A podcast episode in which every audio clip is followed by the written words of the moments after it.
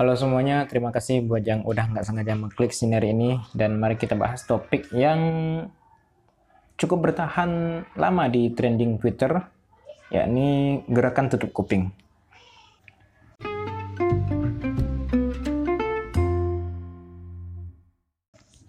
Nah, gerakan tutup kuping ini sudah bertahan lama ya di trending Twitter.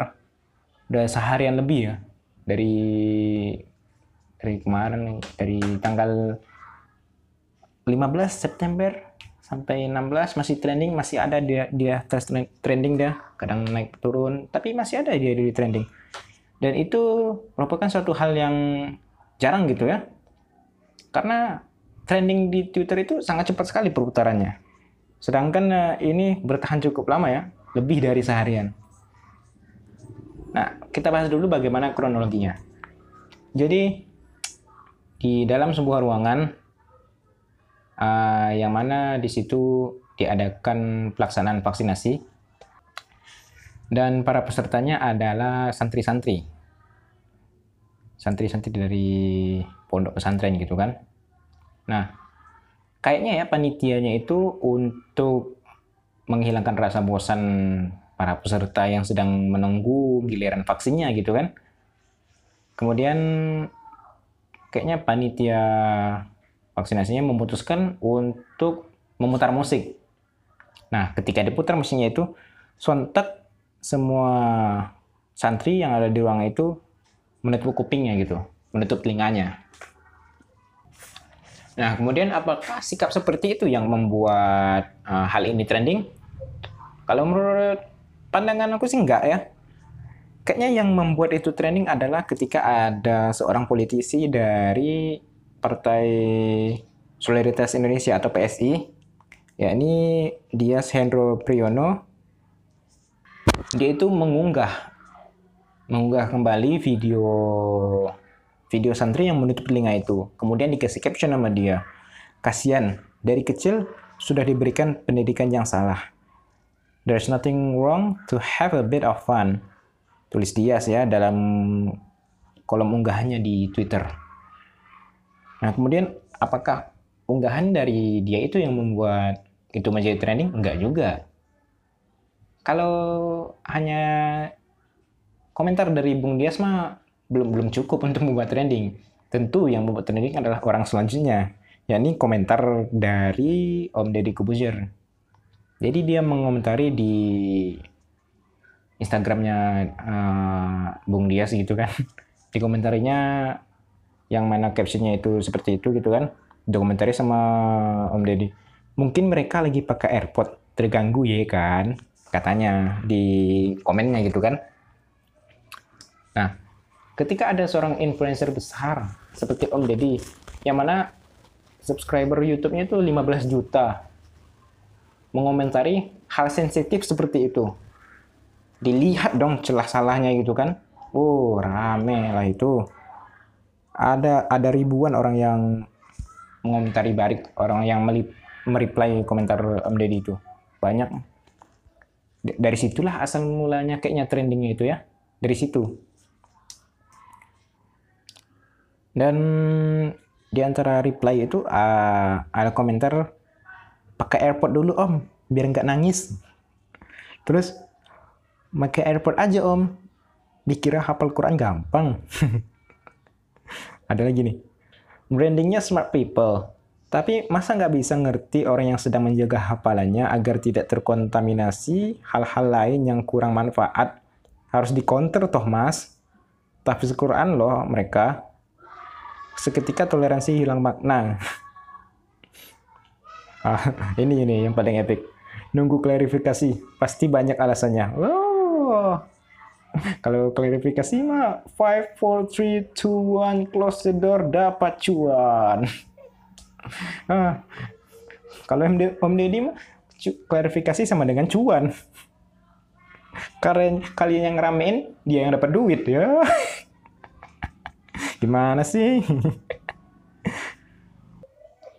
uh, ada juga orang-orang yang menggalakkan untuk unsubscribe uh, unsubscribe YouTube-nya Deddy Corbuzier gitu kan.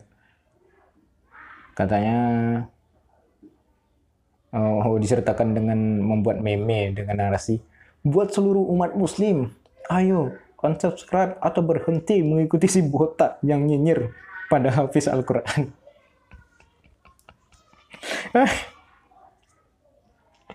kalau pertama komentar bukan nyinyir kayaknya itu komentar komedi lah kayaknya bukan komentar nyinyir. Kedua kalau emang kalau emang yang kalau emang rakyat itu benar kalau emang yang ngebuat meme ini merasa benar merasa benar. Kalau emang dia benar gitu kan ya apa haknya memanggil Om Deddy Botak si Botak? Lagipun kan nama channel itu Deddy Corbuzier bukan si Botak nama channelnya ini nih contoh eh, orang-orang uh, yang banyak melempar kebenaran. Kalau kalau kebenaran dilempar dengan kalau kebenaran itu dilempar gitu kan, ya orang yang nggak mau nerima juga kebenaran itu dikasih di, dikasih secara baik-baik bukan dilempar. Wagyu itu mahal dong. Kita bayangkan dulu wagyu, daging wagyu itu mahal dan enak kata orang ya walaupun pernah belum pernah makan gitu kan. Daging wagyu itu enak, mahal dan sehat gitu kan. Tapi kalau dilempar ke muka orang ya orang tetap marah dong. Orang tetap tersinggung. Nggak mungkin, ya terima kasih ya wagyunya dilempar ke muka. Nggak mungkin lah. Kayak gitu tuh kebenaran kalau dilempar. Nggak akan nerima orang kalau dilempar. Dan unggahan meme-nya itu dibagikan 1072 orang dan di like 3346 orang ya. 1000 ditambah 3000. Kita tambah aja lah ya, walaupun di antara 3000 ini ada seribunya, kita tambah aja lah 1000 ditambah 3000 yang meng-unsubscribe YouTube-nya gitu kan. Nggak ngaruh lah. Puluhan ribu yang uh, yang unsubscribe nggak ngaruh juga lah. Duit tetap banyak kok, masih di atas 10 juta kok subscriber. Walaupun 1 juta, 2 juta hilang, ah masih banyak juga kok duitnya. Orang sponsor tetap bertahan kok. Terus ya, kalau banyak orang yang unsubscribe Om Deddy, kalau umpamanya ada yang unsubscribe, kalau kejadian unsubscribe-nya sampai 10 juta yang tidak mengikutinya, yang unsubscribe Om Deddy di channelnya, itu berarti orang itu apa namanya? Orang-orang itu mah namanya arogan. Angkuh. Padahal udah banyak loh hal-hal yang dilakukan Om Deddy itu bersifat positif. Banyak informasi yang diberikannya, banyak platform yang dikasihnya untuk orang-orang lain, menginspirasi. Banyak kebaikan yang dia tebar, banyak banyak pengetahuan yang dia sebarkan. Banyak kebenaran dia bagi, banyak hal yang salah dia tunjukkan banyak hal-hal yang kayak panggung dia beri kepada orang-orang, freedom of speech dia berikan kepada orang-orang. Banyak sumbangan, banyak sumbangan yang dikasih, banyak manfaat yang diberi, bahkan lebih daripada orang-orang yang nyinyir ini. Banyak. Lebih banyak pada ribuan orang tadi. Kemudian kalian meninggalkannya hanya untuk satu kesalahan gitu. Kalian banyak banyak orang yang meninggalkannya hanya untuk satu kesalahan yang dia bikin tadi. Yang mana itu bisa jadi salah paham aja sih gitu kan. Itu mah arogan. Emang bener ya, seribu kebaikan kalah sama satu kesalahan. Padahal di soal kita udah jawab bener sembilan, terus salahnya cuma satu, yang dibahas satu itu. Yang dibahas satu itu seolah-olah wajar untuk kita benar dan tidak boleh untuk kita salah.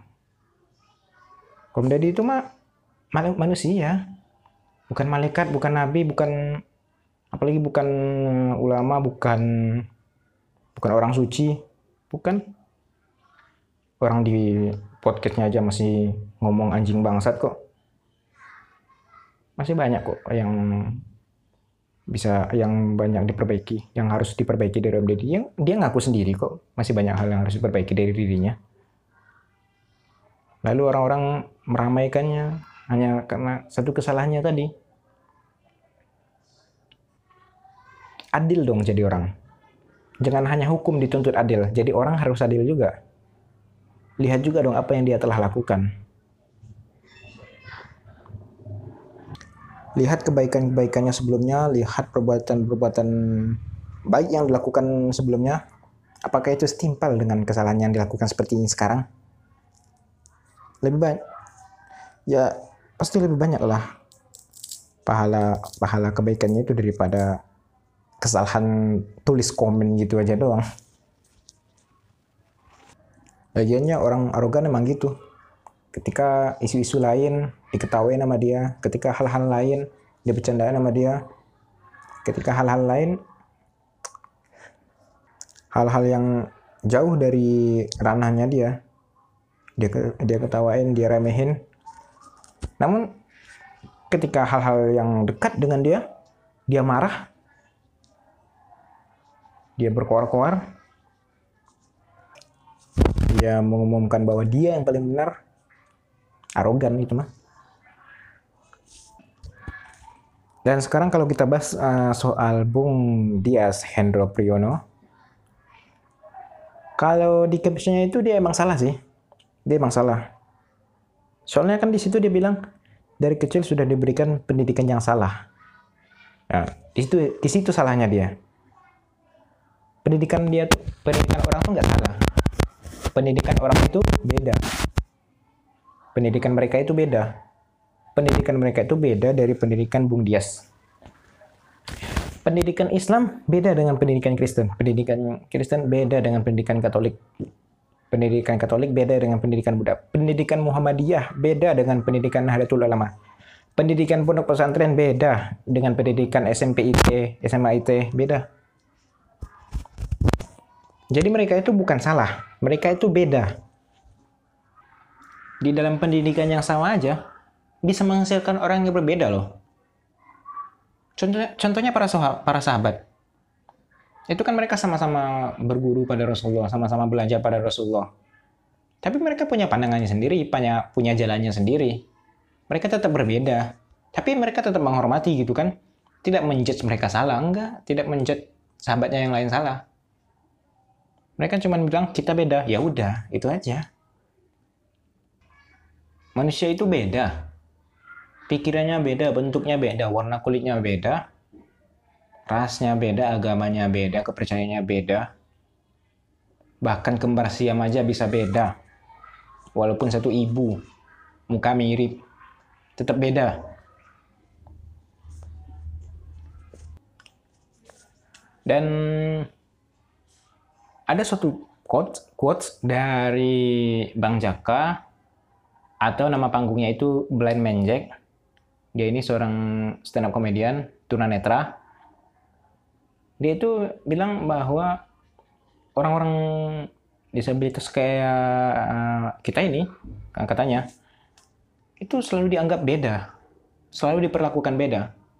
Padahal mah semua manusia itu emang beda dengan identitasnya masing-masing ada yang rambutnya keriting, ada yang rambutnya lurus, ada yang pendek, ada yang tinggi, ada yang hitam, ada yang putih, ada yang coklat, ada yang sawo matang, ada yang buta, ada yang nggak bisa dengar, ada yang bisa jalan. Ya udah, kita kita emang beda dengan identitas dengan identitas kita sendiri. Kita itu emang beda. Bukan bukan hanya disabilitas dengan normal. Yang normal pun juga beda. Jadi kita emang beda. Bukan membeda, jangan jadi jangan membedakan. Kita emang beda kok gitu. Jadi dari pemikiran-pemikiran seperti jadi dari pemikiran yang berbeda seperti itu, Bang Jack itu bilang just like me. Eh eh bukan. Uh, just like you I am normal. Just like me we are different. Jadi semua manusia itu emang beda. Dan itu bisa menjadi indikator kita mengetahui orang itu intoleran atau enggak gitu kan. Ketika ada orang, ketika seseorang bertemu dengan orang yang berbeda pandangan dari dia, terus dia bilang, kamu salah. Terus dia berpendapat, kok kamu salah gitu kan? Kok kamu gitu gitu kan? Ketika ada orang bertemu dengan orang yang tutup telinganya, kamu salah. Ketika ada orang bertemu dengan yang celana cingkrang, kamu Sarah. Nah, itu orang tuh intoleran, nggak toleransi namanya. Karena seharusnya ketika kita dengan bertemu dengan orang yang berbeda jalan hidup dengan kita, kita seharusnya bilang kita beda. Ya udah, itu aja. Ketika kita bertemu dengan orang yang tutup telinga, ketika dengar musik depan, depan umum, kita beda. Ya udah. Ketika bertemu dengan orang yang selalu cengkrang, uh, pakai cangkut, kita beda. Ya udah, itu aja. Jadi orang toleransi itu, orang yang punya toleransi itu ketika bertemu dengan perbedaan, dia menghargai, bukan menyalahkan perbedaan itu. Jadi kalau kamu merasa beda, ya nggak masalah kok. Emang kita beda kok. Pilihlah jalan hidupmu sendiri, tentukanlah jalan hidupmu sendiri. Selama itu tidak menyiksamu dan tidak merugikan orang lain. Itu aja mah. Terus ketika kamu menjalani pilihanmu, terus ada yang bilang kamu salah, ya udah maklumi aja, maklumi aja. Kamu itu nggak salah kok. Cuman kamu dengan dia beda, ya udah gitu aja. Emang kamu dan dia beda, nggak usah merasa salah gitu kan. Dan ngomong-ngomong soal santri yang dalam ruangan itu ya, ini ini pendapat gue aja nih, pendapat gue aja. Jadi just take it as a joke gitu kan, dan take it serious. Ini cuma bencana aja nih gitu kan. Gue tuh merasa ya di antara santri yang ada dalam ruangan itu gue gue nggak tahu itu uh, santri pondok pesantren hafiz atau pondok pesantren biasa atau boarding school nggak tahu gue itu yang reguler atau apa tapi gue yakin lah gue yakin. Di antara semua santri-santri itu pasti ada yang imannya itu tidak membuat dia menutup telinganya secara refleks ketika di tempat umum mendengar musik. Pasti adalah pasti adalah yang kelakuannya bangsat-bangsat. Pasti pasti ada. Pasti ada yang mikir ngapain ya gue ngelakuin ini? Nah, tapi ya udahlah ya ikutin aja yang lain. Pasti ada. Pasti ada yang mikir kayak gitu pasti ada yang nggak tahu apa gue tutup telinga? Sementara dia bukanlah bukan penghafal tingkat tinggi gitu kan. Bukan orang yang alim banget gitu. Jadi nggak percaya gue kalau dalam satu ruangan itu isinya imannya sama semua. Imannya tinggi semua nggak percaya. Apalagi zaman sekarang gitu kan banyak kontaminasi pasti adalah anak-anak yang anak-anak bangsa jadi masukin dalam pondok. Pastilah banyak kok anak-anak bangsa yang masukin dalam pondok terus tiba-tiba ikuti peraturan kayak gitu. Pasti ada lah. Pasti ada. Kan banyak juga tuh orang tua masukin anak tahu anaknya bangsat oh bangsat kan gua ayo masukin dalam pondok. Dengan harapan anaknya ketika keluar wah oh, alhamdulillah. Anakku menjadi orang yang beriman orang yang alim seorang hafiz gitu. Ya emang sih di pondok itu tugasnya uh, banyak tentang menghafal gitu kan. Tapi kan nggak semuanya hafiz gitu kan. Maksudnya tuh nggak semuanya itu anak baik-baik yang peduli tentang hafalannya. Nggak semuanya itu imannya kayak hafiz alim yang dilihat dari kacamata halayak, halayak ramai. Yang mana kalau hafiz di kacamata halayak gitu kan uh, orangnya santun uh, orangnya sering ke masjid, sholat lima waktu, sholat subuh, nggak pernah terlambat. Padahal mah ya kan gue nggak semuanya kayak gitu gitu kan, nggak semuanya kayak gitu. Pasti ada ada lah gitu kan orang-orang yang ya biasa-biasa gitu kan orang-orang yang dimasukin dalam pondok uh, anak-anak yang masukin dalam pondok uh, oleh orang tuanya gitu kan tapi dia tetap memberontak dalam pondok walaupun dalam diam karena gue dulu juga anak pondok. Makanya gue yakin nggak semua anak di pondok itu alim-alim. Ah, ada, ada kok, ada juga kok yang kayak anak sekolahan biasa. Ada juga kok yang bangsat-bangsat. Ada juga kok yang alim-alim gitu kan. Nah, teman pondok gue pun ada kok yang bangsat-bangsat gitu kan. Bahkan ada yang udah enam tahun di pondok masih ada loh kok bangsatnya apalagi ketika keluar pondok beuh, makin menjadi bangsatnya. Memang memang sih banyak yang pas keluar dari pondok itu uh, berubah gitu kan. Terutama dari sisi kedewasaannya akan tanggung jawab gitu. Tapi ada ada juga kok yang pas keluar kembali bangsat ada juga. Nggak tahan gitu kan emang lingkungan itu mempengaruhi sekali ya lingkungan itu mempengaruhi bagaimana karakter kita terbentuk lingkungan mempengaruhi tapi itu bukan faktor utama faktor utamanya tetap ada pada diri kita sendiri kita punya kuasa akan diri kita sendiri kita mau memberontak atau ikuti alur gitu kan kalau kamu nyamannya begini, ya udah begini aja. Kalau kamu nyamannya begitu, ya udah begitu aja. Nggak usah dipaksain selama itu tidak menyiksa kamu gitu kan. Selama kamu tahu resikonya kamu melakukan itu gitu kan. Pilihlah pilihan hidup yang tidak membuat dirimu tersiksa dan tidak dan tidak merugikan orang lain. Tidak merugikan orang lain. Itu. Selama tidak mengganggu orang lain, pilihlah pilihan hidup itu. Dan dan buat teman-teman yang punya pilihan hidup yang benar, tapi punya teman yang jalan hidup yang salah, ya ceramahilah dia, ceramahilah, ceramahilah dia dengan baik-baik. Kasih kasih kebenarannya secara baik-baik, gitu kan bukan dilempar. Dan buat yang bingung pilihan hidupnya itu benar atau salah, ya udah jalani aja dulu selama kamu nggak merasa tersiksa atau nggak merugikan orang lain gitu kan ya udah jalani aja anggap aja bahwa kamu dan mereka berbeda ya udah anggap aja berbeda gitu kan emang beda kok gitu nggak nggak usah merasa bersalah mah. Nggak usah merasa bersalah. Cukup merasa kamu itu beda ya udah. Cukup merasa beda aja. Nggak usah merasa bersalah. Just like you I am normal. Just like me you are different. Ah ya udah terima kasih buat yang udah dengerin. Ciao